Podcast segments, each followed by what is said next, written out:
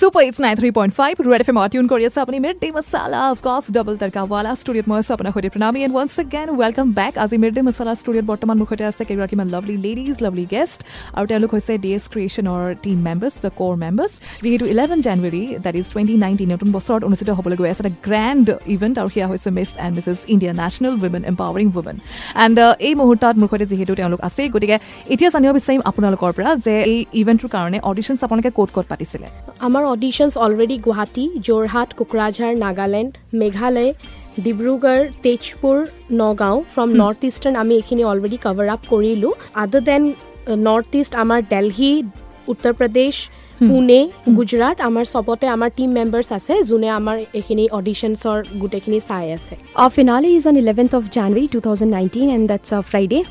So that would be in ITM Archkova. That will start from uh, 4 o'clock. And uh, our chief guest is none other than the renowned and the most famous Meda Sekya ma'am. And we have invited many of the renowned personalities, not only from northeastern states, from entire country. We don't make it a pageant that's only of northeast. We are trying to make it of pan India. Like we are trying to get people from other places also, from uh, Delhi and from uh, Mumbai, uh, from Jaipur. Uh, even we did collaboration with the newspapers from Jaipur, also from Delhi. The most important is we being a women, and the motto being uh, women empowering women. In this show, we are awarding 10 eminent women from different fields of work. Okay. Uh, you name it, be it literature, be it arts, uh, social services, education, entrepreneur, and all other things. And beside that, we have a kids fashion show. We would be having two rou- rounds of kids fashion show. Most importantly, we'll be supporting Snehalay. Snehalay is the backbone for both me, Dipshika. We even invited Snehalay kids to come and perform there on our stage. ধুনীয়া মানে opportunities দিয়া গৈছে তেওঁলোকক।